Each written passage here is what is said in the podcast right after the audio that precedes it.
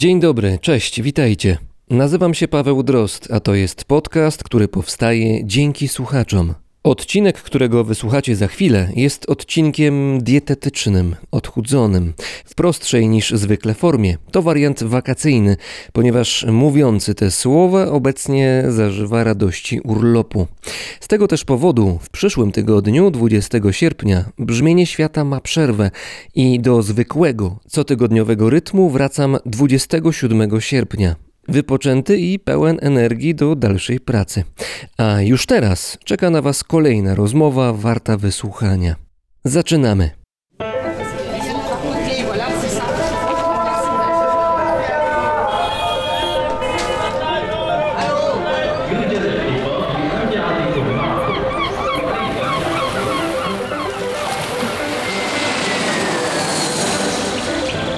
per capire come essere programmato tutto. questa primiciazione.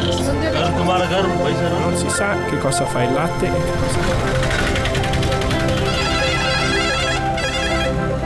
Brzmienie świata z lotu Drozda.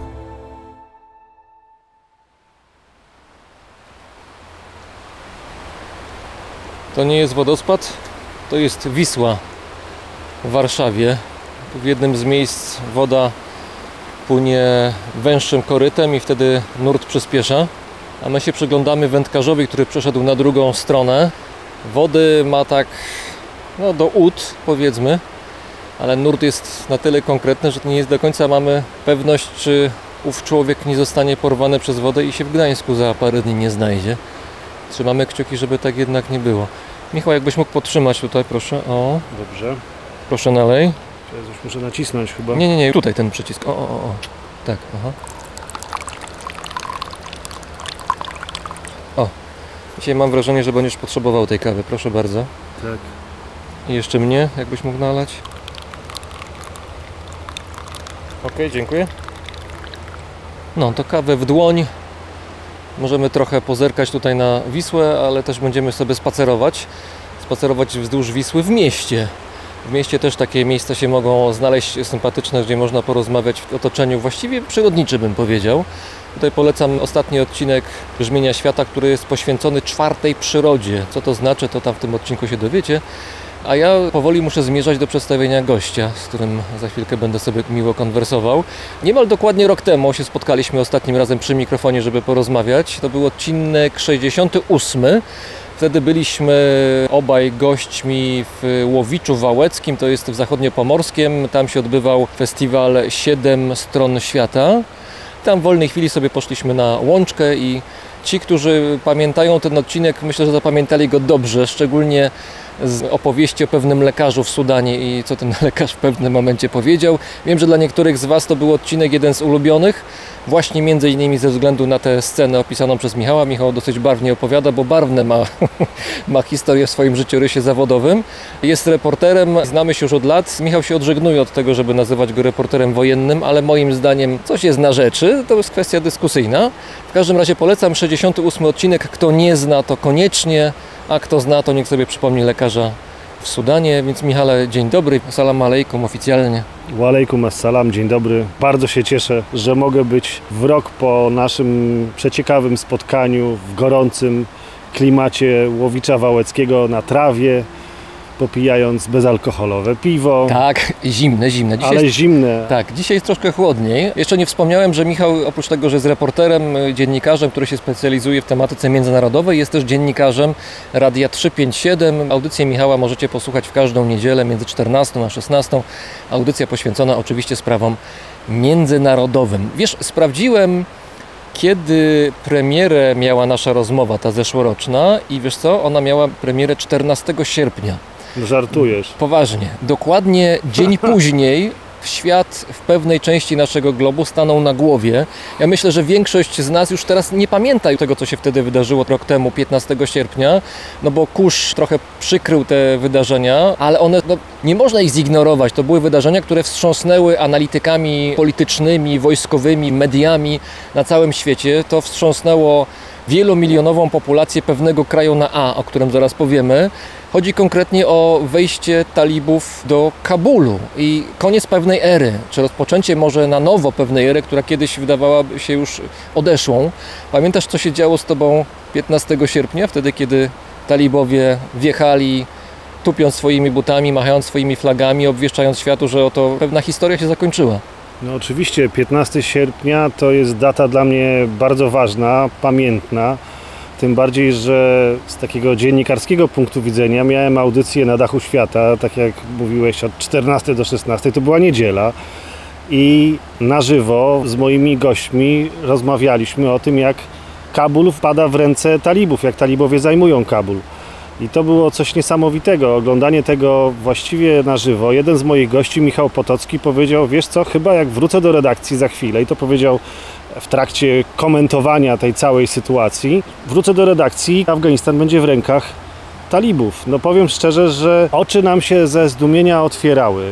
To, co oglądaliśmy, było nieprawdopodobnym z jednej strony szokiem, z drugiej strony trochę przewidywalną sytuacją. Ale nikt się nie spodziewał, że to w takim tempie będzie postępowało. No, jakieś prognozy były, były symptomy. Talibowie mieli swoje ofensywy, zdobywali jedno miasto, drugie Tak. miasto, trzecie. No wiadomo, że wojska pod wodzą Stanów Zjednoczonych się wycofywały oczywiście i to nie była niespodzianka dla nikogo, ale że to się wydarzy tak szybko, mało kto się tego spodziewał. Oczywiście i tym bardziej, że były też takie głosy od bardzo szanowanych, tylko to nie jest moja krytyka absolutnie, tylko od ludzi, którzy się na tym znają. Rzeczywiście jeden z ekspertów zresztą, pan Marcin Krzyżanowski, który był też w tej audycji, jak z nim się umawiałem na rozmowę o Kabulu i zadałem mu pytanie, on był kiedyś konsulem, jest tytułowo, panie konsulu, jak pan myśli, co z tym Kabulem? No wie pan, za pół roku, jeżeli to będzie w ogóle miało miejsce.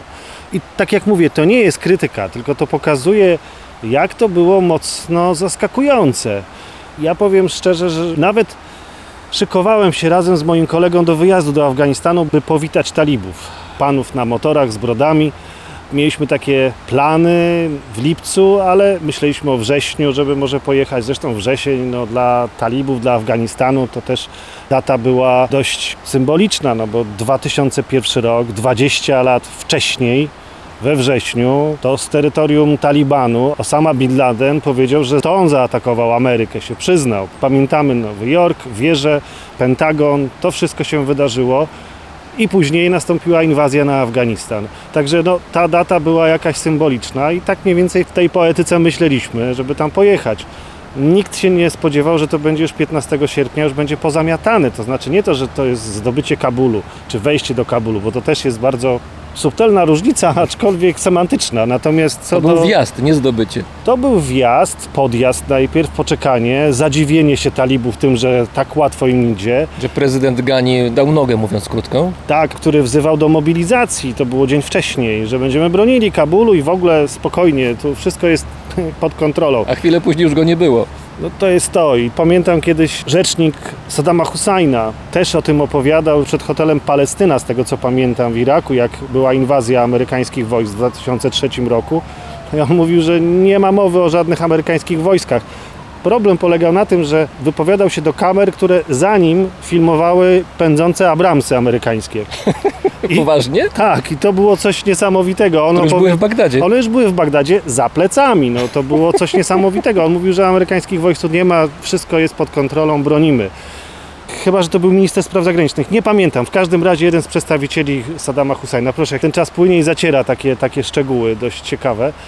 Natomiast no, Gani uciekł, ludzie w szoku, szczególnie ta socjeta, która była u władzy. Później też prości ludzie, którzy też się tego nie spodziewali. To wszystko ruszyło na lotnisko, uciekać, znikać. No te sceny były nie, niezwykłe. wylatywać. Ludzie, którzy się łapali dosłownie samolotów jadących po płycie lotniska. To jak, z jakichś filmów katastroficznych No tak, jeszcze sceny. niektórzy odpadli, włącznie z jednym z znanych sportowców, zdaje się, że piłkarzy afgańskich, czy krykieciarzy, już nie pamiętam też, ale, ale on też zginął. No niestety pęd, ciąg samolotu zmiódł go z tego samolotu. to były sceny, których nie zapomnimy do końca życia, aczkolwiek no, nie zapomnimy. Zobaczymy, czy nie zapomnimy. Ja myślę, że już część z nas w ogóle nie pamięta, co się wydarzyło, bo inne sprawy teraz się rozgrywają na naszych oczach po wschodniej stronie naszej granicy państwowej, więc pewne rzeczy się zacierają i zapominamy. Natomiast mówiłeś o tym, że zakładając, że talibowie wkrótce, w ciągu paru miesięcy, w jakiejś dającej się przewidzieć przyszłości zdobędą Kabul i przejmą kontrolę nad państwem, myślałeś o wyjeździe. 15 sierpnia się okazało, że już nie ma co witać przyjeżdżających talibów na miejsce, tylko trzeba Oni będzie... Tylko, że tylko oni cię przywitają ewentualnie, bo nie porzuciłeś pomysłu, żeby pojechać do Afganistanu. O tym teraz będziemy rozmawiać. Może się przejdźmy troszkę dalej. Korzystajmy z tego, że można troszkę ruchu zażyć. Przypominam, jesteśmy w Warszawie, byliśmy bezpośrednio przy Wiśle, teraz idziemy wzdłuż tej właśnie rzeki, w terenach miejskich jak najbardziej, aczkolwiek troszeczkę dzikich. Teraz słyszę syrenę karetki może albo radiowozu policyjnego, więc miasto troszkę będzie nam się tu odzywać, ale to nie przeszkadza. Planowałeś wyjechać do Afganistanu, warunki się zmieniły, Afgańczycy byli w szoku, świat był w szoku, a talibowie tymczasem mówili, że zmienili się, że oni są teraz cywilizowani, oni są teraz bardziej logiczni w swoich zachowaniach, bardziej przewidywalni. Te komunikaty w świat były z Kabulu przez nich emitowane i czy ty w ogóle uwierzyłeś w tę wersję i jaki to miało wpływ na twoje plany a propos wyjazdu, wyjazdu, do którego doszło, o czym za chwilę?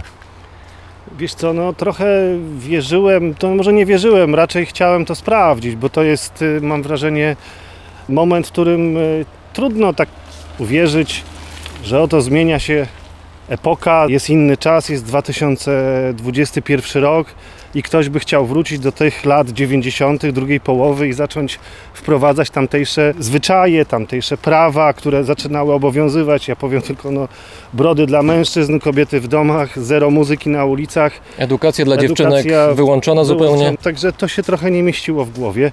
Nikt nie myślał, że oni wrócą do tych lat 90. w jakiejkolwiek formule. Raczej się myślało o tym, że to będzie coś pomiędzy. Oczywiście wiadomo, no to są talibowie, to są ludzie, którzy mają swój system zarządzania krajem.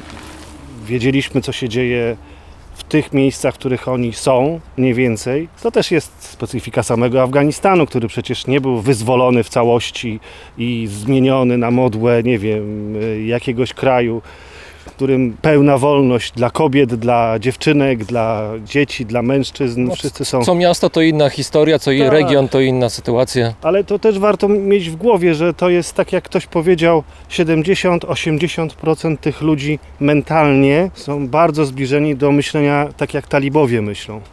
I to są nie moje słowa, tylko zasłyszane od Afgańczyków. To jest oczywiście prowincja, to są oczywiście małe wioski, to są oczywiście niedostępne miejsca, takie leżące na uboczach. Przecież z tego się składa Afganistan, z takich właśnie miejsc. Zresztą czy wojsko, czy organizacje pomocowe, czy organizacje zajmujące się poprawą życia na miejscu, które przecież przetrawiły tyle pieniędzy, tyle miliardów dolarów, właściwie no niestety nie do końca to się udało. A znasz historię o mundurach, które Amerykanie przekazali afgańskiemu wojsku? To były mundury z maskowaniem leśnym. A, no możliwe. Ty mówisz o mundurach, no ja ci opowiem o tym, co usłyszałem od człowieka, który opowiadał o budowaniu tamy gdzieś tam niedaleko Heratu, czyli na zachodzie Afganistanu. To była inicjatywa oczywiście za amerykańskie pieniądze z udziałem amerykańskich specjalistów, inżynierów, podwykonawców itd., itd. I oczywiście też Afgańczycy byli tam zatrudnieni. No ale pewnego pięknego wieczoru zabrakło podpałki do grilla. No i cóż, no trzeba było do Kandaharu polecieć helikopterem i tę podpałkę przywieźć. Kandahar zupełnie inne No miejsce. nie, no jeszcze powiem szczerze, że wiele ekstrawaganckich rzeczy, czy widziałem, czy o nich słyszałem, ale żeby lecieć po podpałkę do grilla helikopterem, to nie jest zbyt popularne, prawda? No i takich przewałek było więcej, no budowy dróg za ciężkie miliony dolarów, opłacanie różnych ludzi. To było też taką prozą życia w Afganistanie i dlatego między innymi Afgańczycy w to nie do końca uwierzyli, w tą nową ideę nowego państwa. Ja mówię o prowincji. Bo w mieście, czy w Kabulu, czy w Mazari Sharif, czy w Kandaharze, chociaż Kandahar to matecznik talibów, To jeszcze powiemy skąd jest ten dźwięk. To nie jest tak, że atakuje nas stado os w tym momencie, tylko ktoś postanowił nad naszą głową polatać dronem. Także ten dron jeszcze przez chwilkę nam tutaj zagra, aż skończą mu się baterie, na co bardzo liczymy. No dobrze, czyli mamy sytuację taką, że talibowie przejmują kontrolę na powrót, przejmują kontrolę nad Afganistanem. Część ludzi jest w szoku, świat jest na pewno w szoku, Afgańczycy są w szoku, nie wszyscy, bo niektórzy, niektórym pewnie to nawet może jest na rękę albo mają podejście neutralne. No i tu się pojawiasz znowu ty, czyli osoba, która chce być świadkiem tych zmian, tego przeobrażenia, tego co się wydarzy i co się dzieje w tym kraju i postanawiasz wyjechać do Kabulu. Tak, to jest y, moment, w którym można zobaczyć Kabul, Afganistan, który jest otwarty na przyjazd obcokrajowca dziennikarza. To jest paradoks. To jest moment, w którym Afganistan staje się bezpieczniejszy, to znaczy można po nim jeździć. Bo talibowie po prostu nie podkładają swoich bomb, nie robią blokad, nie łapią obcokrajowców, którzy nie mają zgody, nie mają wcześniej umówionych spotkań z komendantami i z ludźmi, którzy są tam władni, jeżeli chodzi o struktury talibów. No ale z drugiej strony jeszcze są konkurenci talibów, czyli tak zwane państwo islamskie i jego, jego komórka w Afganistanie. Tak, tylko że no to wiadomo, oni są gdzieś tam wokół Jalalabadu, gdzieś dalej, gdzieś nie jest to aż tak poważna siła. Były zamachy, no w dniu, w którym myśmy próbowali przejechać z moim kolegą Zbyszkiem Parafianowiczem granicę, no to był zamach na szpital wojskowy w Kabulu. No Rzeczywiście właśnie. weszli tam zamachowcy, samobójcy, straceńcy, bo zaczęli strzelać, wiedzieli, że zostaną zabici. Tak, to było ale no, potencjalnie to nie była taka siła, która toczyła bardzo równorzędną walkę, czy na przykład no, stawiała państwo w stan szoku i terroru, tak jak na przykład robiono to z Irakiem, z Bagdadem. Pamiętam w Bagdadzie kiedyś dzień bez wychodzenia na ulicę, tak zarządziła jakaś komórka ruchu oporu i rzeczywiście miasto stanęło, to było coś niesamowitego.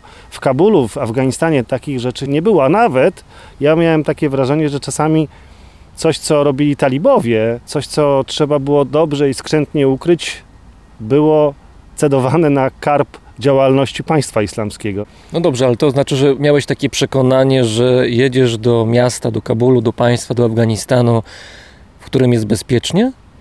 No może nie tak, ale jechałem z przeświadczeniem czy z nadzieją taką, że zależy talibom na pokazaniu się. Znaczy, Zresztą oni, oni podkreślali, że zapraszają Tak. dziennikarzy, starali się nawet jakoś dbać o ich bezpieczeństwo, przynajmniej formalnie, to znaczy w, w deklaracjach tak to wyglądało. Nie, no nawet i w deklaracjach i powiem szczerze, w praktyce również dbali o O bezpieczeństwo. tej praktyce porozmawiamy jeszcze, Michał. Ale tak, tak. Tu muszę powiedzieć, że pewne rzeczy im się udawało pokazać od tej strony takiej organizacyjnej wobec zachodnich dziennikarzy. Ja tam jechałem w momencie, kiedy Emirat został trochę odcięty od świata zewnętrznego. Ta przygoda na granicy afgańsko-uzbeckiej była z reporterskiego punktu widzenia nieprawdopodobnym koszmarem. No, to było coś strasznego. To teraz musimy wrócić do tego momentu, kiedy powiedziałeś, jechałem do Afganistanu. Ten tryb ciągły, zawarty w tym słowie, jest tutaj kluczowy w naszej opowieści, ponieważ no, normalnie to by wyglądało tak, że dzień, dwa, może trzy, jakby jakieś niekorzystne przesiadki by były, to byłbyś na miejscu. Ale tutaj nie było normalnie. Zacznijmy od początku. Jesteś w Polsce, chcesz pojechać do Afganistanu. To nie jest tak, że kupujesz pierwszy lepszy bilet bezpośrednio do Kabulu, Dreamlinerem sobie lecisz, tylko no, jednak to musiało wymagać pewnej pracy. Tak, i było wszystko pięknie zapięte na ostatni guzik, nawet bym powiedział. Wspaniale. I był kontakt na miejscu z przedstawicielem talibów, który wyjaśnił dokładnie, na czym polega legalność pobytu w Afganistanie, To znaczy kontakt- granicy. tak. Kontakt z talibem, który był odpowiedzialny za kontakty z dziennikarzami, będąc w Kabulu ten Tak miejscu. jest. I mieliśmy też człowieka, który na miejscu załatwił transport z nadgranicy, z Hajratanu, z tej miejscowości, która leży właśnie nad granicą z Uzbekistanem. A dlaczego akurat ta granica? Po drugiej stronie Termez w Uzbekistanie. Dlaczego? Dlatego, że ona była otwarta i można było przez nią przejeżdżać za stosunkowo niewielką kwotę 150-200 dolarów można było się dostać do Kabulu. Przejechać przez Mazar-i Sharif, przejechać przez Przełęcz Hajberską. Czyli to przeje- północy. tak, od północy. No w ogóle też chciałem pojechać tą trasą, bo Mazar-i Sharif, piękne miasto, padło ostatnie przed przejęciem Kabulu. I chciałem drogą talibów trochę tak podjechać do tego Kabulu i przy okazji też zobaczyć Afganistan, no bo to jest kawał w tym momencie podróży. To było najważniejsze w tym wszystkim. Czyli drogą lądową chciałbyś Tak. pojechać. Oczywiście. Poza tym nie latały bezpośrednie loty do Kabulu z Europy. Również tak zwani pewniacy, czyli chociażby tureckie linie, miały co prawda w internecie w ofercie lot do Kabulu, ale w praktyce go nie było, więc to było dużo zamieszania, co lata, co nie lata. To były takie... Tam też były kwestie bezpieczeństwa na samym lotnisku w Kabulu, prawda? Gdzie też zamach miał miejsce dosyć poważny, krótko wcześniej, więc y, to nie było tak, że wszystkie linie chciały tam latać. To może i też i zamach, ale zamach był jeszcze w sierpniu, natomiast to chodziło między innymi o to, kto obsługuje kontrolę lotów, tą całą wieżyczkę. Aha. Kto jest tam władny, kto to umie, kto się na tym zna i Czy czy panowie z brodami na przykład nie kierują samolot jeden na drugi? Na przykład i kto jest w tej obsłudze, bo tam trochę tej obsługi lotniskowej pozostało oczywiście, więc no, na szczęście talibowie mieli się kim wesprzeć. Ale zaufanie linii lotniczych oczywiście było jak najmniejsze. W związku z tym można było lecieć z Pakistanu, ale do Pakistanu trzeba było mieć oddzielną wizę. Na tą wizę się czekało przy dobrych wiatrach miesiąc, dwa, nawet pół roku, albo w ogóle się nie dostawało. Iran to jest kolejne miejsce, z którego można było do Afganistanu jechać, no ale tutaj wiele niewiadomych również. Tadżykistan zamknięty. No, generalnie słabo, z Delhi nic nie latało, ale okazało się, że jest ta droga lądowa. No i tak się wybrałem. Uzbekistan, najpierw krótkie lądowanie w Taszkencie, spotkanie przed meczetem z panem Abdulrahimem, starszym mężczyzną, który po modłach wyszedł z meczetu, zaczepił nas, zaczął z nami rozmawiać i właściwie nadał tej całej naszej podróży i temu wszystkiemu pewnego rodzaju logiczny i teoretyczny, a nawet teologiczny sens. Mianowicie powiedział, człowiek wschodu nigdy ci całej prawdy nie powie. To było motto chyba tej podróży. Powiem szczerze, w pewnym momencie zaczęliśmy tak zastanawiać się, czy to nie było, może nie klątwa, ale, ale Fatwa. fatwa jakaś, ale to powiem, mocno się działo w głowie, mocno się działo w głowie i, i rzeczywiście podczas tej nieprawdopodobnie długiej podróży do Kabulu, to już śmialiśmy się, że karawany chyba mniej więcej mogły trochę krócej już sunąć do, do tego miasta setki lat temu. W każdym razie, jak wylądowaliśmy w Termezie, nad granicą z Afganistanem, w Uzbekistanie, przespaliśmy się i rano pojechaliśmy na granicę, która dokładnie w momencie, kiedy przyjechaliśmy, została zamknięta. I zobaczyliśmy pustkę, step. Nawet nie mogliśmy zobaczyć Amudari, tej rzeki mitycznej, tego mostu przyjaźni, który przecież jest mostem też symbolicznym, kiedy armia radziecka wyjeżdżała i ostatni żołnierz tym mostem przechodził. No, mieliśmy przez ten most z plecakami przejść. Ja nawet miałem przygotowany już miejscówkę w swoich ubraniach na magnetofon, żeby nagrywać ten dźwięk tego mostu, jak idę, te kroki, krótką relację, co widzę, przepiękny plan. I on wyglądał jak trzech smutnych żołnierzy uzbeckich i ten szlaban, przeklęty bym powiedział. Próbowałem ich przekupić, to się wystraszyli paszportu, w którym były sumy, czyli te, ta waluta uzbecka. Później A duże te sumy były sum? no dużo tam, właściwie tak więcej z 50-100 dolarów, no to grubo było dość posmarowane, jeżeli chodzi o mój paszport. Ale nie, twardo nie. Tam próbowaliśmy również dyplomatycznych różnych kanałów, no i też próbowaliśmy sami się tym wszystkim jakoś zainteresować. Bardzo ciekawych ludzi poznaliśmy po drodze i w samolocie poznaliśmy pana, który zaczął rozmawiać o Kabulu z kimś, ja do niego podszedłem i jeszcze w Termezie, jak lądowaliśmy i zapytałem, czy jedzie do Kabulu. Tak. No i spotkaliśmy go pod krzaczkiem przed szlabanem. Pod krzaczkiem spotkaliśmy również w takich spodniach garniturowych, w białej koszuli, człowieka, który powiedział, że jedzie do Kunduzu poszukiwać złota. Pokazał nam nawet swój plecak, w którym dojrzałem jakieś fragmenty, nie wiem, czajnika, jakichś małych garnków. Ale to przepraszam, to szuka się złota w garniturze będąc? Ja nie wiem. Ja nie mam doświadczeń, więc dlatego pytam. No facet się nazywał Walkman Joe Znaczy tak ma w paszporcie? w paszporcie brytyjskim. Chyba żartujesz. Nie. W paszporcie tak miał na... Walkman Joe, paszport brytyjski, obywatel Wielkiej Brytanii. Człowiek, który później opowiadał nam swoją historię rozczarowania Zachodem, bo był w Londynie, podobno. Podobno był również, i tu uwaga, wśród talibów.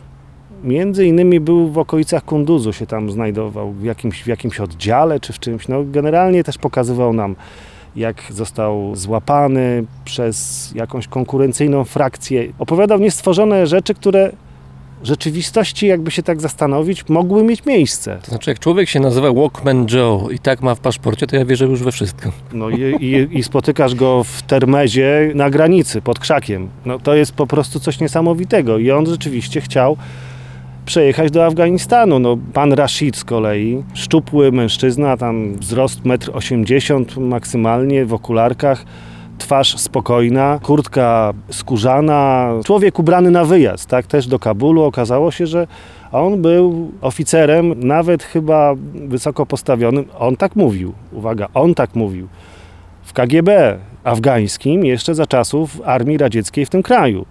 I on jechał do Kabulu, uwaga, dogadywać z, talibami budowę elektrowni gazowej. I z takimi właśnie oto dwoma artystami, bym powiedział, podróży, spotkaliśmy się na tej granicy pod tym krzakiem, przed tym szlabanem, w tym stepie. W pewnym momencie zastanawiałem się, czy mam po prostu o mamy, może ja śpię jeszcze, może to jest jakiś sen, tym bardziej, że zły sen, bo nie można przejechać. Ale pojawiła się taksówka i wysiadł facet w pełnym garniturze, z teczką pod pachą i zapytał się chłopaki, a co tu się dzieje? Mówimy, granica zamknięta. A, ja jestem z Mołdawii i to załatwię. Ale co, kolejny poszukiwacz Tak, złota? Nie wiem, kto to był. Generalnie wyglądał jak człowiek z teczką. No, taki biurokrata z Azji Środkowej. No, niesamowite. Podszedł do tych żołnierzy, oczywiście pogadał, pogadał, pogadał. Odszedł, mówił, nie, rzeczywiście się nie da. Wsiadł do taksówki, odjechał. No jak w teatrze. Mała rola, zagrana, wyjechał. Myśmy tam chwilę jeszcze posiedzieli, parę godzin, no i okazało się, że nie będzie przepuszczania jednak przez granicę. Wróciliśmy do tego Termezu. Stąd Termez z rosyjska nazwaliśmy Tiurmezem, czyli no więzieniem, no po prostu, bo byliśmy tam uwięzieni, ani w te, ani we w te tak naprawdę. No bo co dalej robić? Granica zamknięta. Próbowaliśmy się tam dogadywać z jakimiś ewentualnymi przemytnikami, może coś, może tak, ale to zbyt niebezpieczne i zbyt głupie, żeby się przemycać do Afganistanu. Aż brzmi to nie, ja wiem, że to brzmi science fiction, opowieść nie z tej ziemi, ale no takie mieliśmy już desperackie zachowania. Ale tutaj poziom desperacji dopiero się rozkręcał. O, tak, to jest dopiero początek, to jest prolog. Tak jak mówię, te wysiłki jakieś tam dyplomatyczne, które spełzły na niczym, były w trakcie jeszcze wtedy. No i cóż, no, mieszkaliśmy w hotelu Royal, w pokoju 106 mieszkałem, w którym rano budził mnie o godzinie równo o 8 rozpoczynał się dym z grilla, czyli konina, baranina oraz wyziew z toalety. Więc jak kolega Zbyszek wszedł do mojego pokoju, to powiedział: Żaku, chyba potrzebujesz trochę powietrza z poważną twarzą. Powiem szczerze, że zagrał tą rolę genialnie, bo tu w ogóle wszystko było jak w teatrze. Nasze spotkania w tych knajpach, w tym termezie, jakaś mgła, taka oniryczność, niemożność, niemoc. No i od tej środy, kiedy zaatakowaliśmy tą granicę do piątku, to wszystko trwało i trwało. I w pewnym momencie zarządziliśmy odwrót. No ale dokąd? Ja sobie wyobrażam, że to musi być potwornie trudne. No, siedzę w tym fachu tak samo jak ty. Być w takim miejscu, odbić się od tego szlabanu zamkniętego i nie mieć jednocześnie wiarygodnej informacji, co można zrobić dalej. To nie jest, że wchodzę do internetu, jak przejechać do Kabulu i tam mam Chciałbym. 15 opcji, klikam i nie wiem, 15 minut później mam już na mailu, nie wiem, wszystkie bilety i jadę. To jest zupełnie inna sytuacja. Tam właśnie w pewnej oniryczności, w pewnym zamieszaniu cały czas funkcjonujesz, a jednocześnie masz świadomość tego, i to jest też ważne, że zegar tyka, pieniądze idą, redakcja czeka na wyniki, Dwie redakcje. Dwie redakcje, tak, bo tam był Radio 357 razem z Darkiem Rosiakiem z raportu o stanie świata. To była wspólna inicjatywa, byłeś wspólnym wysłannikiem tych dwóch nadawców, więc no, tym bardziej brzemię większe. To był ból żołądka i na tym myśmy skończyli tą charakterystykę. Ogromny ból żołądka. No tak dobrze, bym to nazwał. dwa dni czekaliście, wąchając baraninę. No wąchając baraninę, no ale też trochę ciesząc się tym, powiem szczerze, że dostaliśmy w pewnym momencie trochę takiego małpiego rozumu na bazarku, jak wyszliśmy oglądać rzeczywistość, bo no, to był pierwszy wyjazd y, po covidzie. I taka wolność, ta Azja, środek tej Azji, no w ogóle naprawdę, życie, ach, bomba.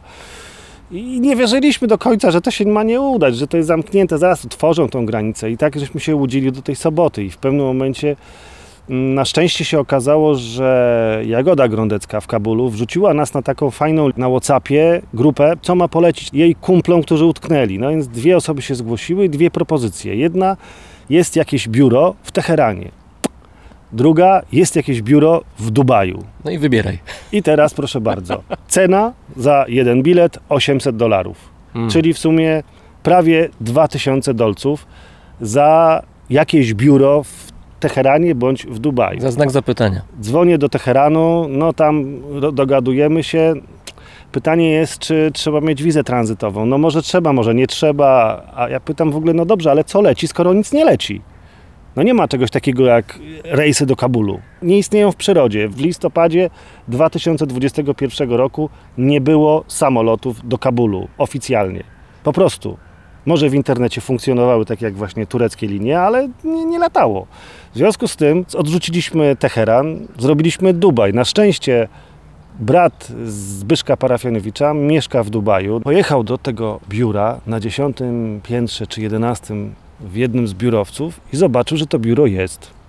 No i kupił nam bilety do Dubaju i z Dubaju do Kabulu. Wszystko świetnie, ale jest COVID, więc jeszcze trzeba się dostać do samolotu i przejść przez kontrolę graniczną. W związku z tym, jak uciekliśmy z Tiurmezu, czyli Termezu do Taszkentu, wylądowaliśmy w Taszkencie około pół do pierwszej, pierwszej w nocy. Z jednym z taksówkarzy umówiliśmy się, że no i tu niestety kupimy test. Kupiliśmy test za 50 dolarów, zdaje się. Czekaliśmy z pół godziny, przyjechał facet, wysiadł z samochodu, dał nam te testy, sprawdziliśmy, jeszcze kod QR działał, no i odjechał, a myśmy odjechali do naszego wspaniałego chińskiego hotelu za parę tam dolarów. I w tym hotelu próbowaliśmy spędzić dzień i później noc na lot do Dubaju. No w ogóle nocy z niedzieli na poniedziałek nie przespaliśmy kompletnie, no bo to też tak trochę się baliśmy tej granicy przejścia na lotnisku w Uzbekistanie, w Taszkencie, bo strach, no to przecież nie jest do końca legalne. A jak się okazało, mam wrażenie, że tam ze 3 czwarte samolotu nie do końca legalnie miało swoje testy porobione, bo w Dubaju zrobiono nam kolejne testy, bo ci, którzy wysiadali, musieli się znowu przebadać. Myślę, że te służby wiedziały o co chodzi. I wieczorem podczas fajnej kolacji w fajnej egipskiej restauracji. Już w Dubaju. Już w Dubaju. Już widzimy ten Burj Dubaj, ta stolica finansów i w ogóle. Po tym termezie się wykąpaliśmy z tego barana, z tego wszystkiego.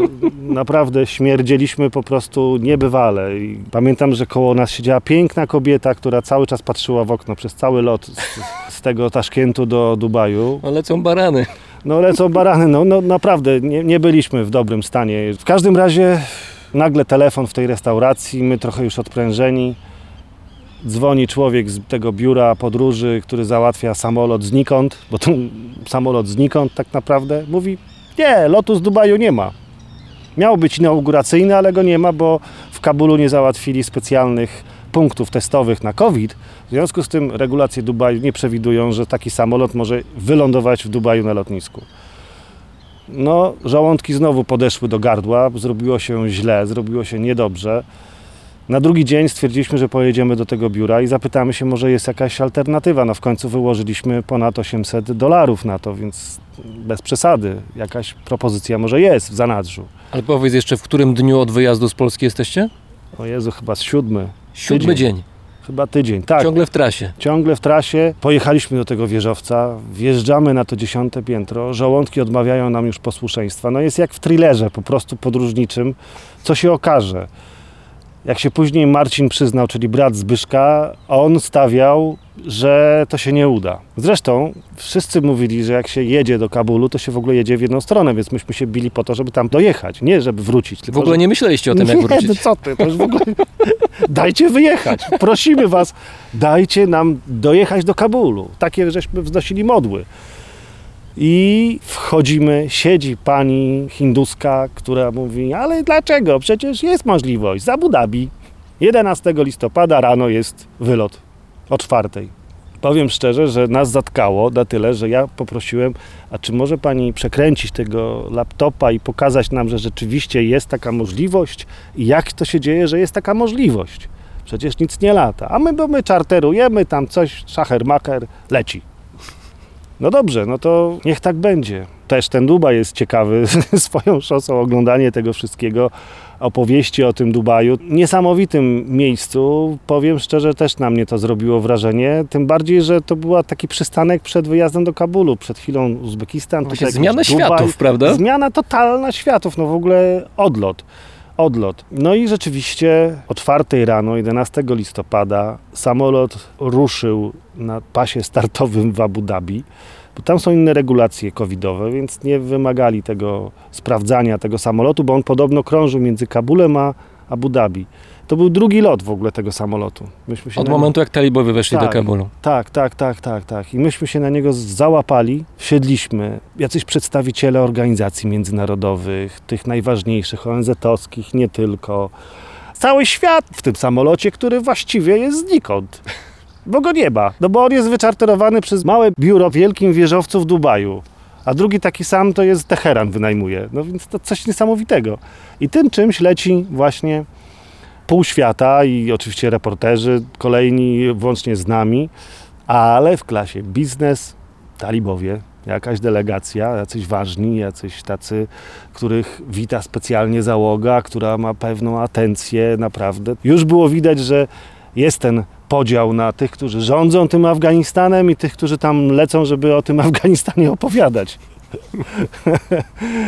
No i to jest pierwsze zaskoczenie, jakie było, to to, że wylądowaliśmy Po ilu dniach? po 11 o godzinie 9 rano wylądowaliśmy w Kabulu. To wiesz, że o tym, że według standardów radiowych, które obaj dobrze znamy, to po 11 dniach to się człowiek zbiera, żeby wrócić. No tak, a myśmy właśnie zaczynali naszą piękną podróż po Kabulu de facto, bo do tego doszło. Ja myślałem, że talibowie zajmą się najpierw tą symboliką.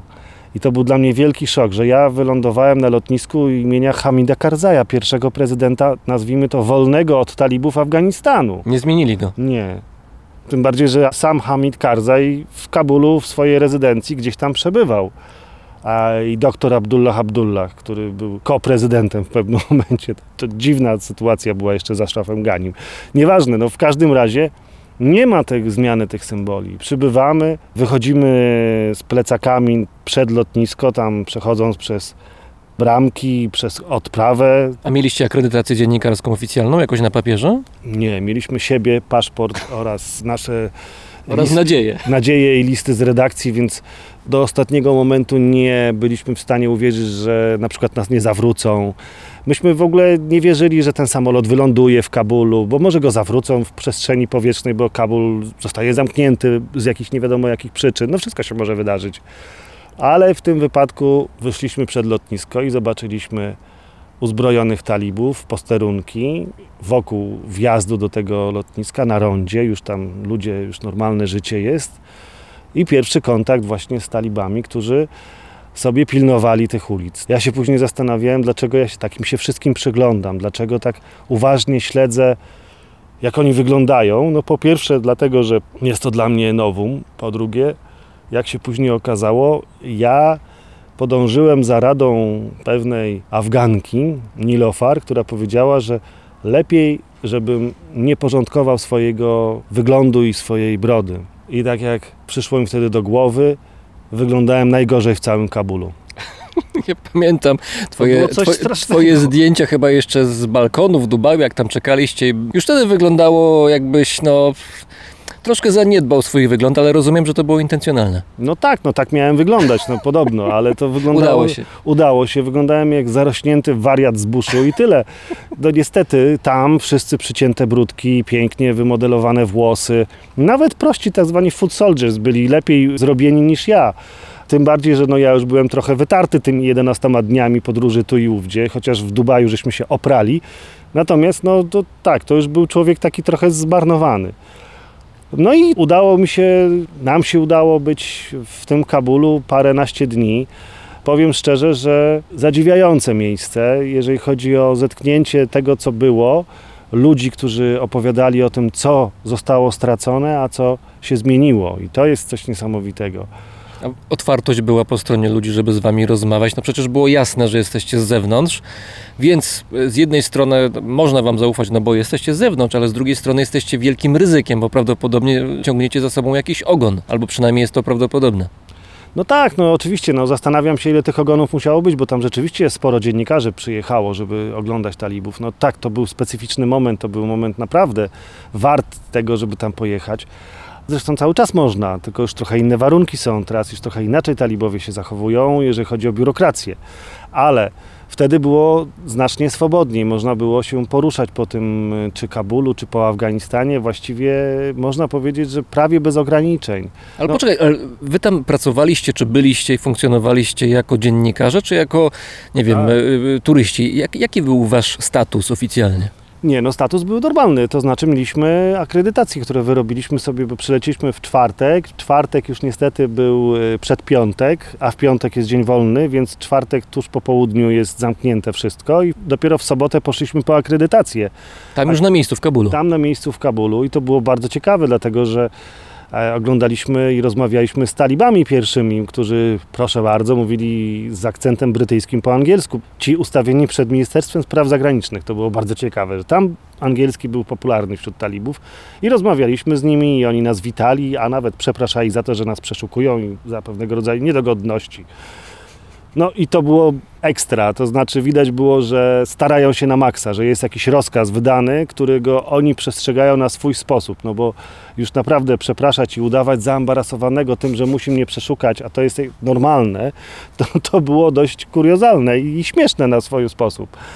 Równie uroczy był zastępca rzecznika ministra spraw zagranicznych, który miał przy sobie pistolet. Jego obecność takim była momentem, że zaczęliśmy przyglądać się tym urzędnikom nowym, bo to też o to chodziło, żeby zobaczyć władzę nową, nie żeby ich tylko i wyłącznie krytykować i opowiadać, jak jest źle, bo to nie tylko o to chodzi, ale też po prostu się przyjrzeć tym ludziom, kim oni są.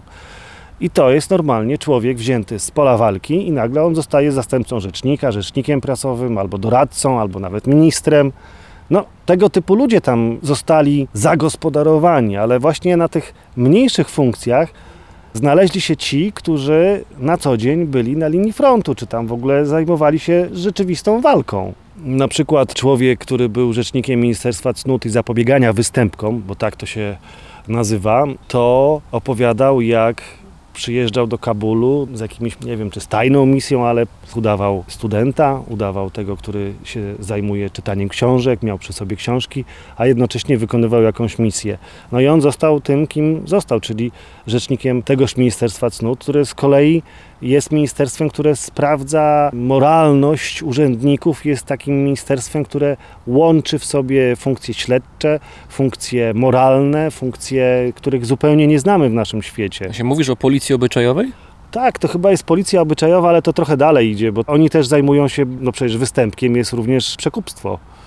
Występkiem jest cudzołóstwo, występkiem jest zabieranie czyjejś żony, prawda? No to wszystko też im podlega, więc to jest policja kryminalno-obyczajowo-śledcza, no tu wiele jest takich elementów. No i tam pamiętam, że startowaliśmy do tego rzecznika trzy razy, żeby dobić się do jego biura i też mieliśmy uśmiechniętych panów strażników, którzy się, jak nas widzieli, to się uśmiechali i otwierali nam drzwi, ale zawsze nas przeszukiwali z takim właśnie zakłopotaniem. Oni nie mówili po angielsku, a spuszczali oczy i tak sorry, sorry. Ale było bardzo fajne. Jeszcze wtedy nie było tak mocnych reguł gry, to znaczy burek dla kobiet. Ja ze zdumieniem zobaczyłem Lovelasa, można powiedzieć, na ulicy, czyli twarz jednej z kampanii reklamowych telefonii, z plakatów. Człowiek razem z żoną, ona pięknie wymalowana, no co prawda chusta na włosach, no ale to było karygodne. Ale to jeszcze był ten czas chyba, kiedy nie było wiadomo, czy talibowie rzeczywiście przykręcą śrubę i wrócą do tych norm obyczajowych, które były znane z lat 90. Dopiero później się okazało, że jednak no, w tym kierunku to idzie. No tak, to był czas schyłkowy zastanawiania się, czy to są talibowie 2.0.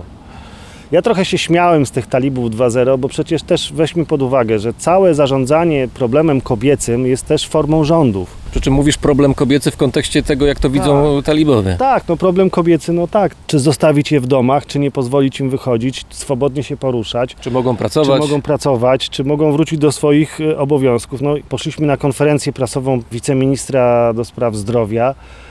I to też było genialne, dlatego że jest lista, na którą się możemy wpisać, żeby zadać pytanie, czyli otwartość. Trochę było tam tak zwanej komedii językowej, czyli ja mówię, jak się nazywasz, no tam chciałem powiedzieć, że z Polski dziennikarze dwóch, niech wpiszą dwa razy Poland, tak?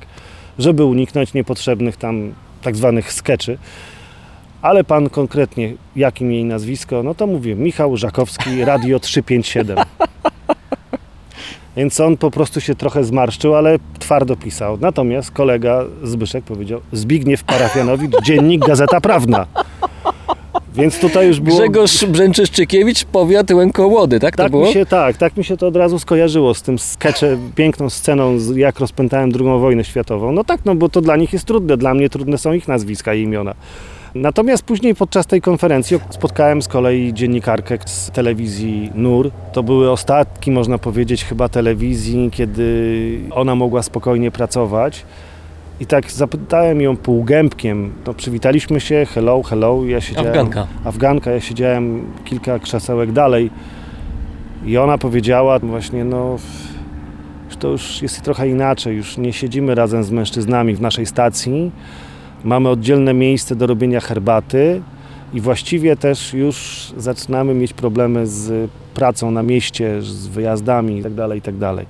I ona to już zaczęła mówić i była taka może nie przestraszona, ale widać było, że jest napięta, no po prostu coś się dzieje, ale twardo na tę konferencję później patrzyłem na nią, na jej działalność na Twitterze, na Facebooku. Starała się tam cały czas być, teraz już jej nie ma. Nie wiem, co się z nią dzieje. No i tak to wyglądało. Byliśmy również w miejscu, w którym działał bankomat swobodnie. To było takie miejsce, to się nazywała Afgańska Izba Przemysłowa, gdzieś na skraju miasta. Tam po znajomości się spotkaliśmy z szefem tej izby, który współpracował z talibami. On był z poprzedniego systemu jakby. To też taki człowiek, który łączy te dwie rzeczywistości. Nieprawdopodobne spotkanie w nieprawdopodobnym miejscu i tak jak mówię, wtedy bankomaty nie działały, ale tam bankomat był ustawiony i działał. To też bardzo ciekawe, kto tam dowoził pieniądze i jak to wyglądało. Także ta rzeczywistość taka kombinowana była. Był okres przejściowy z jednego systemu w drugi. I to miasto, które wszyscy mówili, to już nie jest to samo miasto, jest wyludnione, już nie ma tych ludzi, nie ma tego tętna, widać więcej biedy. Rzeczywiście te Afgani poszło strasznie w dół.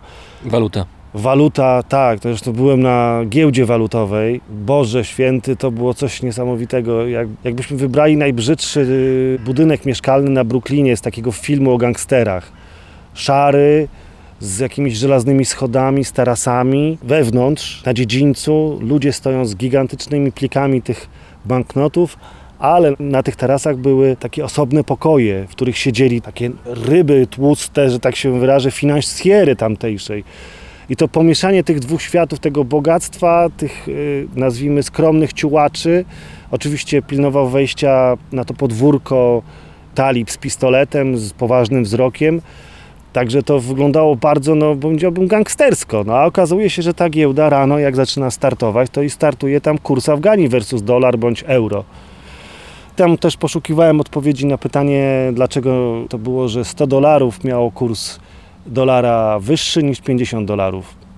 Nikt nie potrafi mi na to pytanie odpowiedzieć. Dlaczego 50 dolarów ma inny kurs za jednego dolara versus Afganii, a 100 dolarów ma wyższy? Do dzisiaj tego nie wiem i nikt nie jest w stanie na to pytanie znaleźć odpowiedzi. Takie cuda się właśnie działy.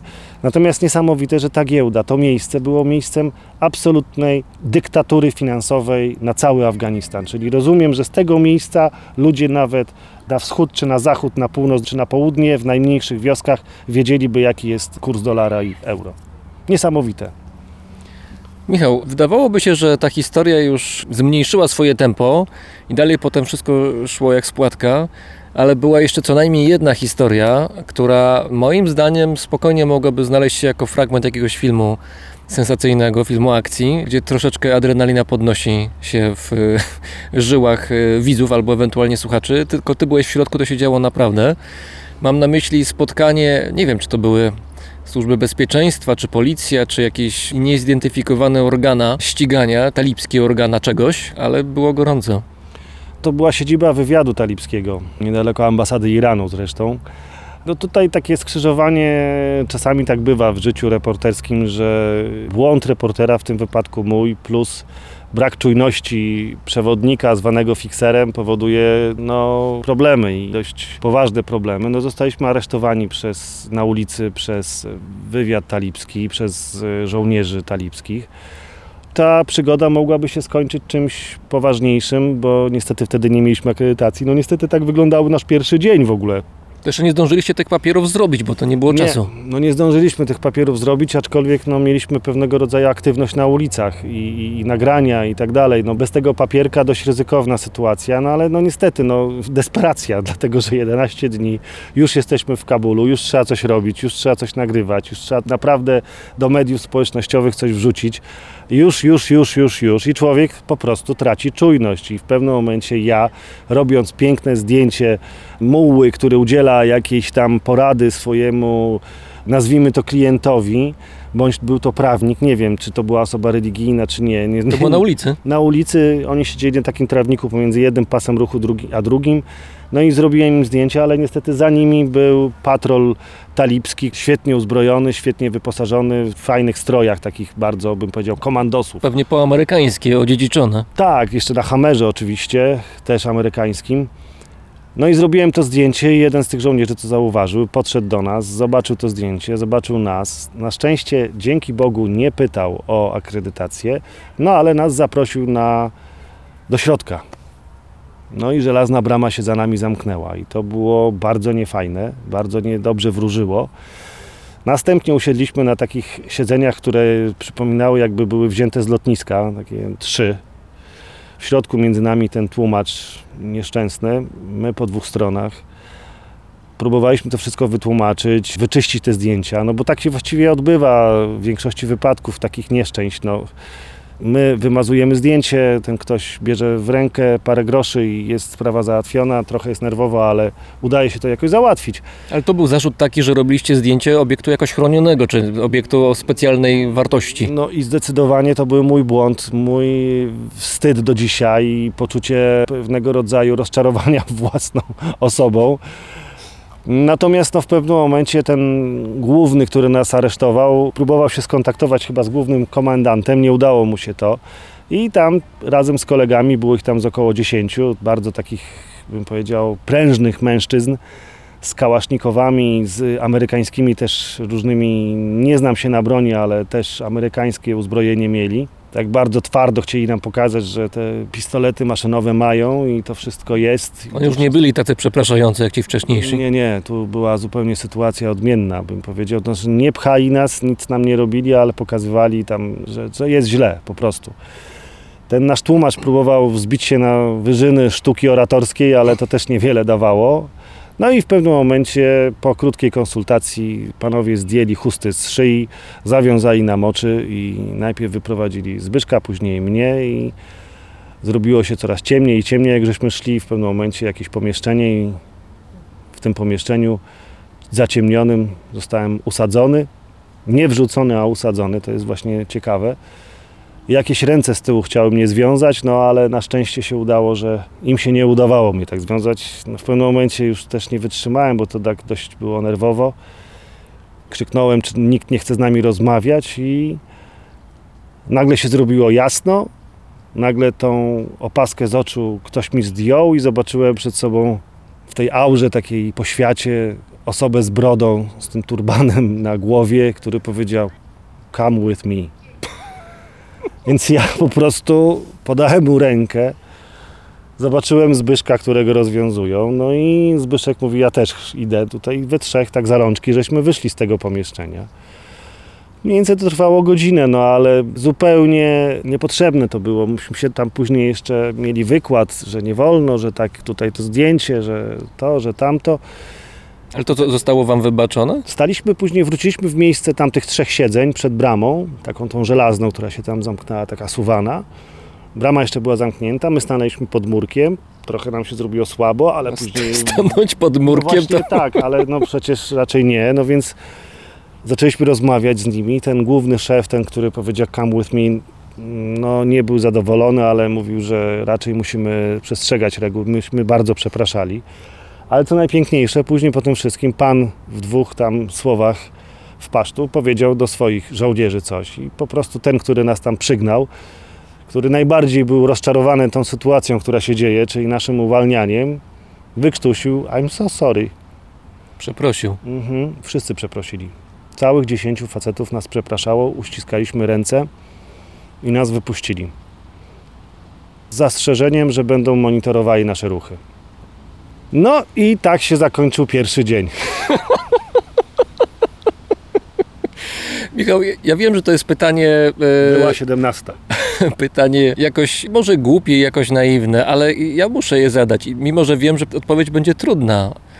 Co się czuje w takich sytuacjach? To nie jest pierwsza twoja sytuacja, gdzie jest tak poważnie, bo o tym też opowiadałeś zresztą przy okazji naszego poprzedniego spotkania przy mikrofonie. Przypominam, odcinek 68, polecam gorąco. Ale nie wiem, czy- człowiek całe życie ma przed oczami, czy ma już dość tego zawodu, czy obiecuje sobie, że już nigdy zdjęcia nie zrobi. Nie, nie wiem, co, co się wtedy dzieje. Nie no, zdecydowanie sobie obiecuję innym, że nie będzie już robił tych zdjęć. No ja powiem szczerze, że jestem bardzo wzruszony, że zostało mi wybaczone przez mojego przyjaciela z podróży. To jest po pierwsze. Po drugie, wiesz, to jest taki sygnał, że trzeba zacząć y, uważać na siebie. To znaczy, coś przeoczyłem, coś się stało, coś, coś nie bardzo zagrało u mnie. Ale też trzeba wiedzieć o tym, że w tym fachu, w robocie reporterskiej, to jest tak, że możesz sobie pewne rzeczy zaplanować, ale czasami wszystko jest do góry nogami, coś się nagle dzieje. Musisz podejmować decyzję na miejscu, bo coś się dzieje teraz, a nie za 5 minut. I albo to nagrasz i będziesz tego świadkiem i to zarejestrujesz, albo nie. No tak, i to jest niesamowite.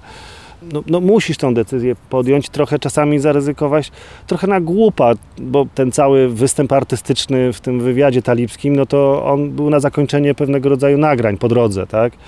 E, finalny był w sklepie z flagami, gdzie były flagi zarówno Republiki Afgańskiej, jak i Emiratu Islamskiego Afganistanu, czyli talibskie.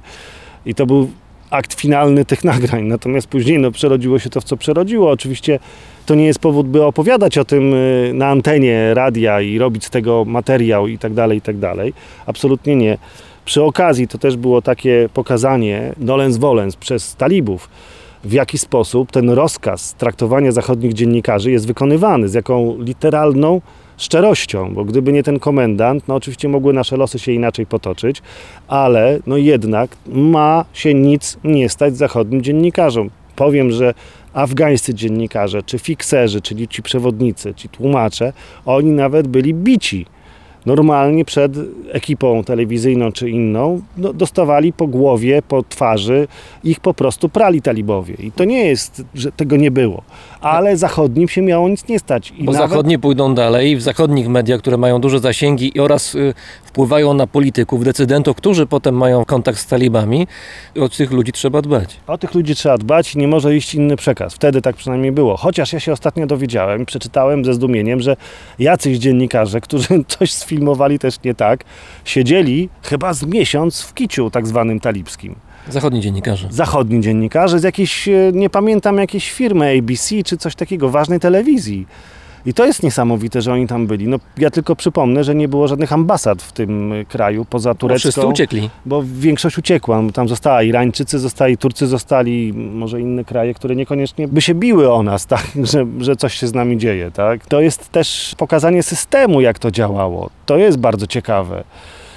A co z tego wynikło? No niestety, no to, że ja nie mogłem się już spotykać później z kobietami dysydentkami, no bo ja nie wiedziałem, czy sami chodzimy po tych ulicach, czy ktoś jest z nami jeszcze jako towarzyszący, tak? Trzeba było brać pod uwagę bezpieczeństwo tych osób, z którymi się spotykasz, prawda? No, no tak, oczywiście, tym najbardziej i to o to chodziło. I, i pierwszego dnia, no rzeczywiście w piątek, jak pojechaliśmy w Kabul już turystycznie, zupełnie bez zdjęć, bez nagrań, bez niczego, no to był ten samochód, byli ci ludzie, którzy, tak jak zgodnie z obietnicą, pokazali się, że są.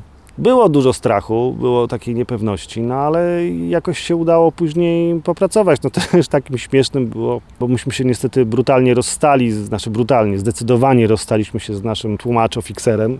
Nie szła nam ta współpraca kompletnie, natomiast szła nam z innymi i kolega Walid w zachwycie kiedyś zadzwonił i mówi, słuchajcie, no mam dla was informację, że siądźcie, bo upadniecie z zachwytu. Załatwiłem wam wspólny patrol wieczorny z wywiadem talibskim. Już byście byliście znajomymi.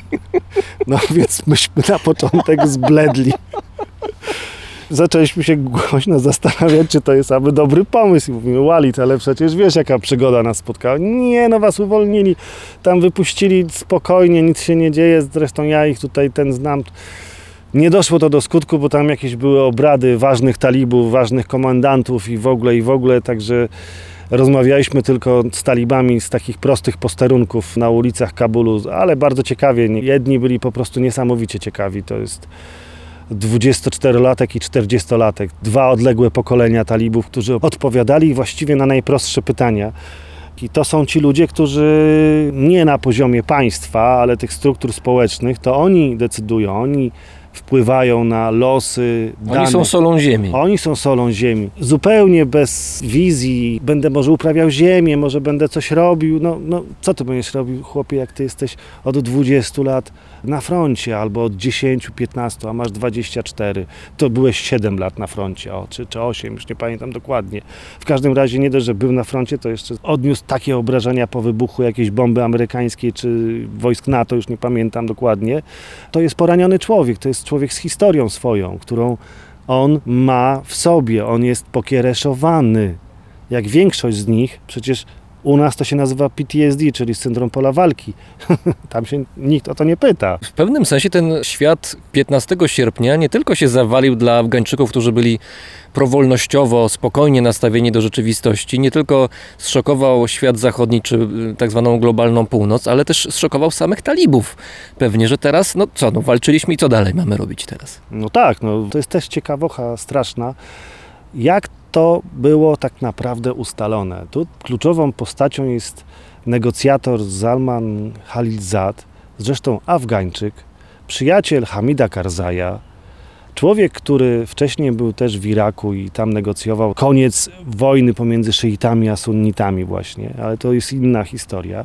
Ale Khalilzad negocjował z talibami, ale on podobno tak negocjował, że miał własną grupę na Whatsappie. Nikt nie wiedział, o czym on rozmawia, nie wie, jakie warunki, o co chodzi. Znaczy chodzi ci o to, jak miała wyglądać transformacja w ramach negocjacji. I to wszystko właśnie teraz polega na tym, że ten jeden człowiek, bądź jacyś jego tam współpracownicy, to tam gdzieś jest zawarta tajemnica tego sukcesu talibów, bo oni przejęli, oni dostali. Komendanci się poddawali, ludzie się poddawali, oni na wyrywki lecieli do talibów, czy z prostej wioski, czy z większego okręgu, czy z miasta, czy wojskowy, czy cywil, czy szef wioski.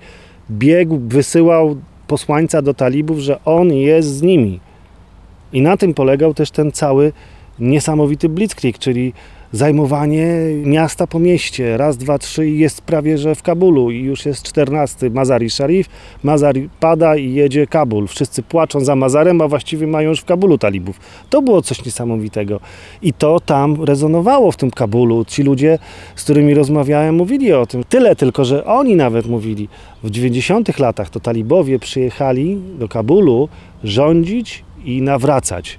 A teraz oni chcą rządzić i pójdą na kompromisy. Talibowie reformowani. Tak. Szczerze mówiąc, nie wiem jak teraz ta sytuacja wygląda. Myślę, że niewiele osób zdaje sobie z tego sprawę. Na pewno państwo nie ma pieniędzy i oni też nie mają pieniędzy. Ale system jest wprowadzany. System akredytacji dziennikarskich jest wprowadzany na modłę moim zdaniem irańską. Pamiętam, pojechałem do Iranu, to akredytacje i pozwolenia były nawet za rozmowę z irańskimi Żydami w dzielnicy Teheranu, za wejście do dzielnicy Teheranu takiej bądź innej. Na wyjazd z Teheranu trzeba mieć kolejne pozwolenie, z tamtejszego z kolei chciałem powiedzieć muzeum, ale Ministerstwa Cnót i e, Walki z Występkiem, bo też tak się to prawie że nazywa Erszat. I takich kolejnych musiałem mieć pozwoleń i dużo pieniędzy, co najważniejsze, bo wyjazd z Teheranu kosztował setki euro czy tam dolarów. Płaciłeś za akredytację i za człowieka, który był tłumaczem bądź twoim przewodnikiem, czy on pracował, czy nie, ale on musiałeś wynająć koniecznie jedną z firm. To samo robią talibowie. I też jedziesz do Kandaharu, to co słyszałem, to musisz mieć z Kandaharu pozwolenie. Jak masz pozwolenie z Kabulu na Kandahar, no to niekoniecznie, bo możesz właśnie być w ciupie. I tam ta ciupa zaczyna być popularna, zdaje się. Bo są różni talebowie, to są różne frakcje, są różne grupy, Tak. są różne interesy. No na przykład też jak siedziałem w tym hotelu, który przypominał zresztą twierdzę, bo to było jakieś centrum startupów wcześniej, centrum jakichś informatycznych pomysłów W Kabulu. w Kabulu, tak, tak, tak. W ogóle korytarze przedzielone drzwiami pancernymi z takimi otworami na pistolety, żeby móc strzelać w samym budynku. Brama też żelazna, no w ogóle rewelacja. Tam był najlepszy internet w Kabulu, zresztą no, stamtąd mogłem na dachu świata zrobić z dachu tego hotelu, patrząc na górę telewizyjną, na wzgórze telewizyjne otaczające Kabul z takimi antenami. To jest jedno z takich bardziej rozpoznawalnych miejsc w Kabulu. Piękne zresztą. Piękny widok stamtąd na Kabul. Jest to Parafianowicz jest autorem tego powiedzenia jak dywan. Te domki tak się rozpościerają po tych wzgórzach. Pięknie, naprawdę. Ten kraj nie jest tak o, do poznania. Sama natura Afgańczyka jest y, nieprawdopodobna, jeżeli chodzi o podejście do życia. To jest oczywiście truizm, no co ja mówię, ale to naprawdę No bo też nie ma jednego Afgańczyka, prawda? To jest No bardzo pojemne hasło, ale tam w środku jest 15 tysięcy wariacji. Tak, tym bardziej, że oni przecież z dziada pradziada musieli kombinować, by umieć przeżyć albo umieć przeżyć w pewnym standardzie, na pewnym poziomie, bo też nie róbmy z nich tylko i wyłącznie ludzi cały czas nie mających pieniędzy, nie chciałbym powiedzieć żebraków, ale ludzi, którzy są biedni. Są wśród nich ci bogaci, są wśród nich ci, którzy mają wpływy, ci, którzy o wpływy też walczyli, zachowywali te wpływy. To wszystko jest ciągłym procesem i ruchem jakimś takim mocno, bym powiedział, agresywnym do przodu, że musisz cały czas coś robić, żeby zachować stan posiadania. Dla jednych to jest przeżycie, dla innych bycie u władzy na przykład. To jeszcze coś pośrodku.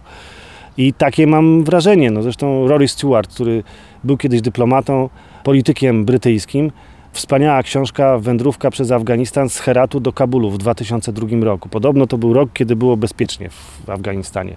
I 2003, kiedy można było budować swoje imperia finansowe. Tak też usłyszałem w Kabulu. W każdym razie on się wybrał zimą, to bardzo polecam do przeczytania. Z Heratu do Kabulu, z psem później się okazało, bo psa mu ktoś tam dołożył do tej wyprawy, on tylko na piechotę.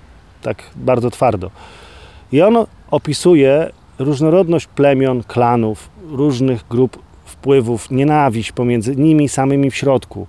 I to jest coś niesamowitego. To naprawdę, jak się rozmawia o tym Afganistanie i się nakłada na to, to co też usłyszałem, że tak, modernizacja, ale bez rewolucji. Dla niektórych to była rewolucja i dlatego na przykład wkraczają talibowie ze swoimi rozważaniami na temat świata, wiary i ułożenia tego wszystkiego, czy tam islamu może w ten sposób i systemu, i jest to chwytliwe, no bo zachowuje pewnego rodzaju status quo w niektórych miejscach albo w większości miejsc poza miastami. To, że to jest szokiem dla ludzi z Kabulu, którzy tam byli z umownej socjety, no to to jest inna sprawa. Część z nich już wyjechała, ale opowieści chociażby właśnie z tego hotelu, w którym mieszkałem, o nocnym życiu Kabulu, matko boska, przecież jakby ludzie z Heratu, Kandaharu o tym wiedzieli, a pewnie talibowie im to skrzętnie przekazywali, jak rozpuszczone są te elity, balangi, balety, alkohole, narkotyki itd., itd. No, prym w tym wiodły między innymi ludzie z organizacji międzynarodowych pomocowych. Tak, niestety trzeba sobie też w prawdę w oczy powiedzieć, mówię o świecie zachodnim, że krytyka krytyką talibów ma ona sens w wielu przypadkach, ale też stuknijmy się w piersi, że czasami to było bardzo fajne miejsce do zarabiania pieniędzy i do spędzania czasu w swoim życiu. Kabul, Afganistan jest pięknym miejscem, naprawdę. I myślę, że to jest duży błąd, który popełniono, że dano sobie dokleić taką etykietę rozpustnego Zachodu, który nic nie zrobił, przerąbał duże miliardy dolarów i jeszcze w dodatku się dobrze pobawił na naszym nieszczęściu. O. I ta etykieta tam funkcjonuje. I nie dziwmy się, że ludzie mają jakieś nadzieje związane z talibami, chociażby takie, że mogą z tego Kabulu wsiąść w taksówkę i pojechać do Kandaharu, Heratu bądź do Badachszanu i do Mazari Sharif. I nie wybuchną. I nie napatoczy się żadna dziwna sytuacja, która zagraża ich życiu. To, że nie ma pieniędzy, to, że jest głód, to, że jest ból i tak dalej. W tym kraju to jest w dużej części też spadek po poprzednich latach. Dziesiątkach lat.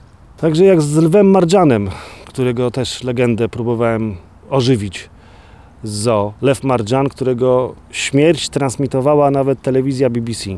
To był lew, który przetrwał wojnę mujahedinów w 90 latach i jak umarł tuż po wypędzeniu talibów z Kabulu, to BBC reporter głosem jak z dobrego pogrzebu królewskiego opowiadał, że Lew Marjan, który przeżył tyle niedogodności, w zmarł, nie żyje.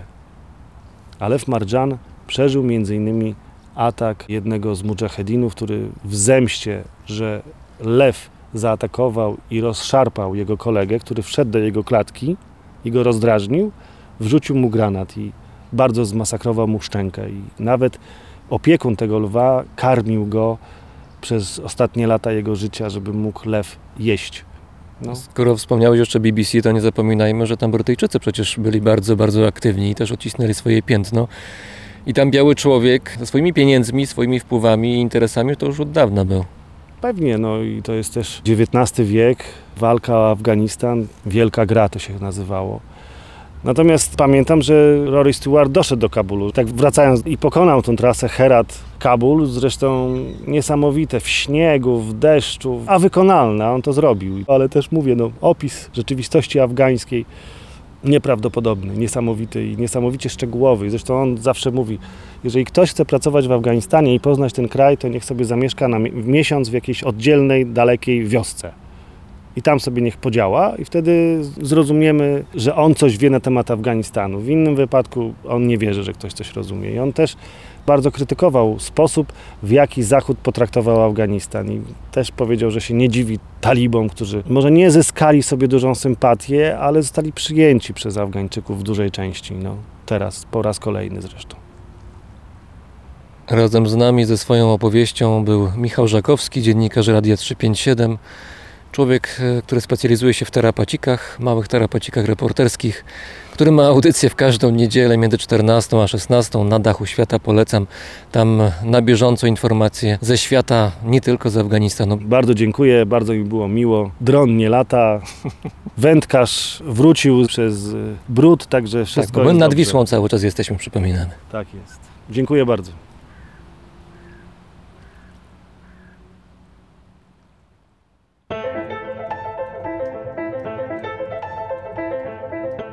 To był 118 odcinek Brzmienia Świata z lotu Drozda, podcastu, który istnieje dzięki słuchaczom. Wszystkim patronom i patronkom oraz firmie Ampio Smart Home dziękuję za hojną pomoc. Zbiórka na Patronite trwa i można dołączyć do niej w każdej chwili, do czego zachęcam. Jestem wdzięczny za każdą wpłatę. Specjalne podziękowania kieruję do światoczułego patrona brzmienia świata, firmy Ergo Ubezpieczenia Podróży.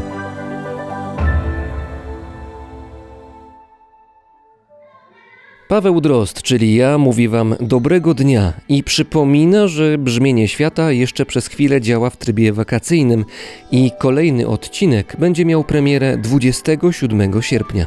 Wszystkiego dobrego i do usłyszenia.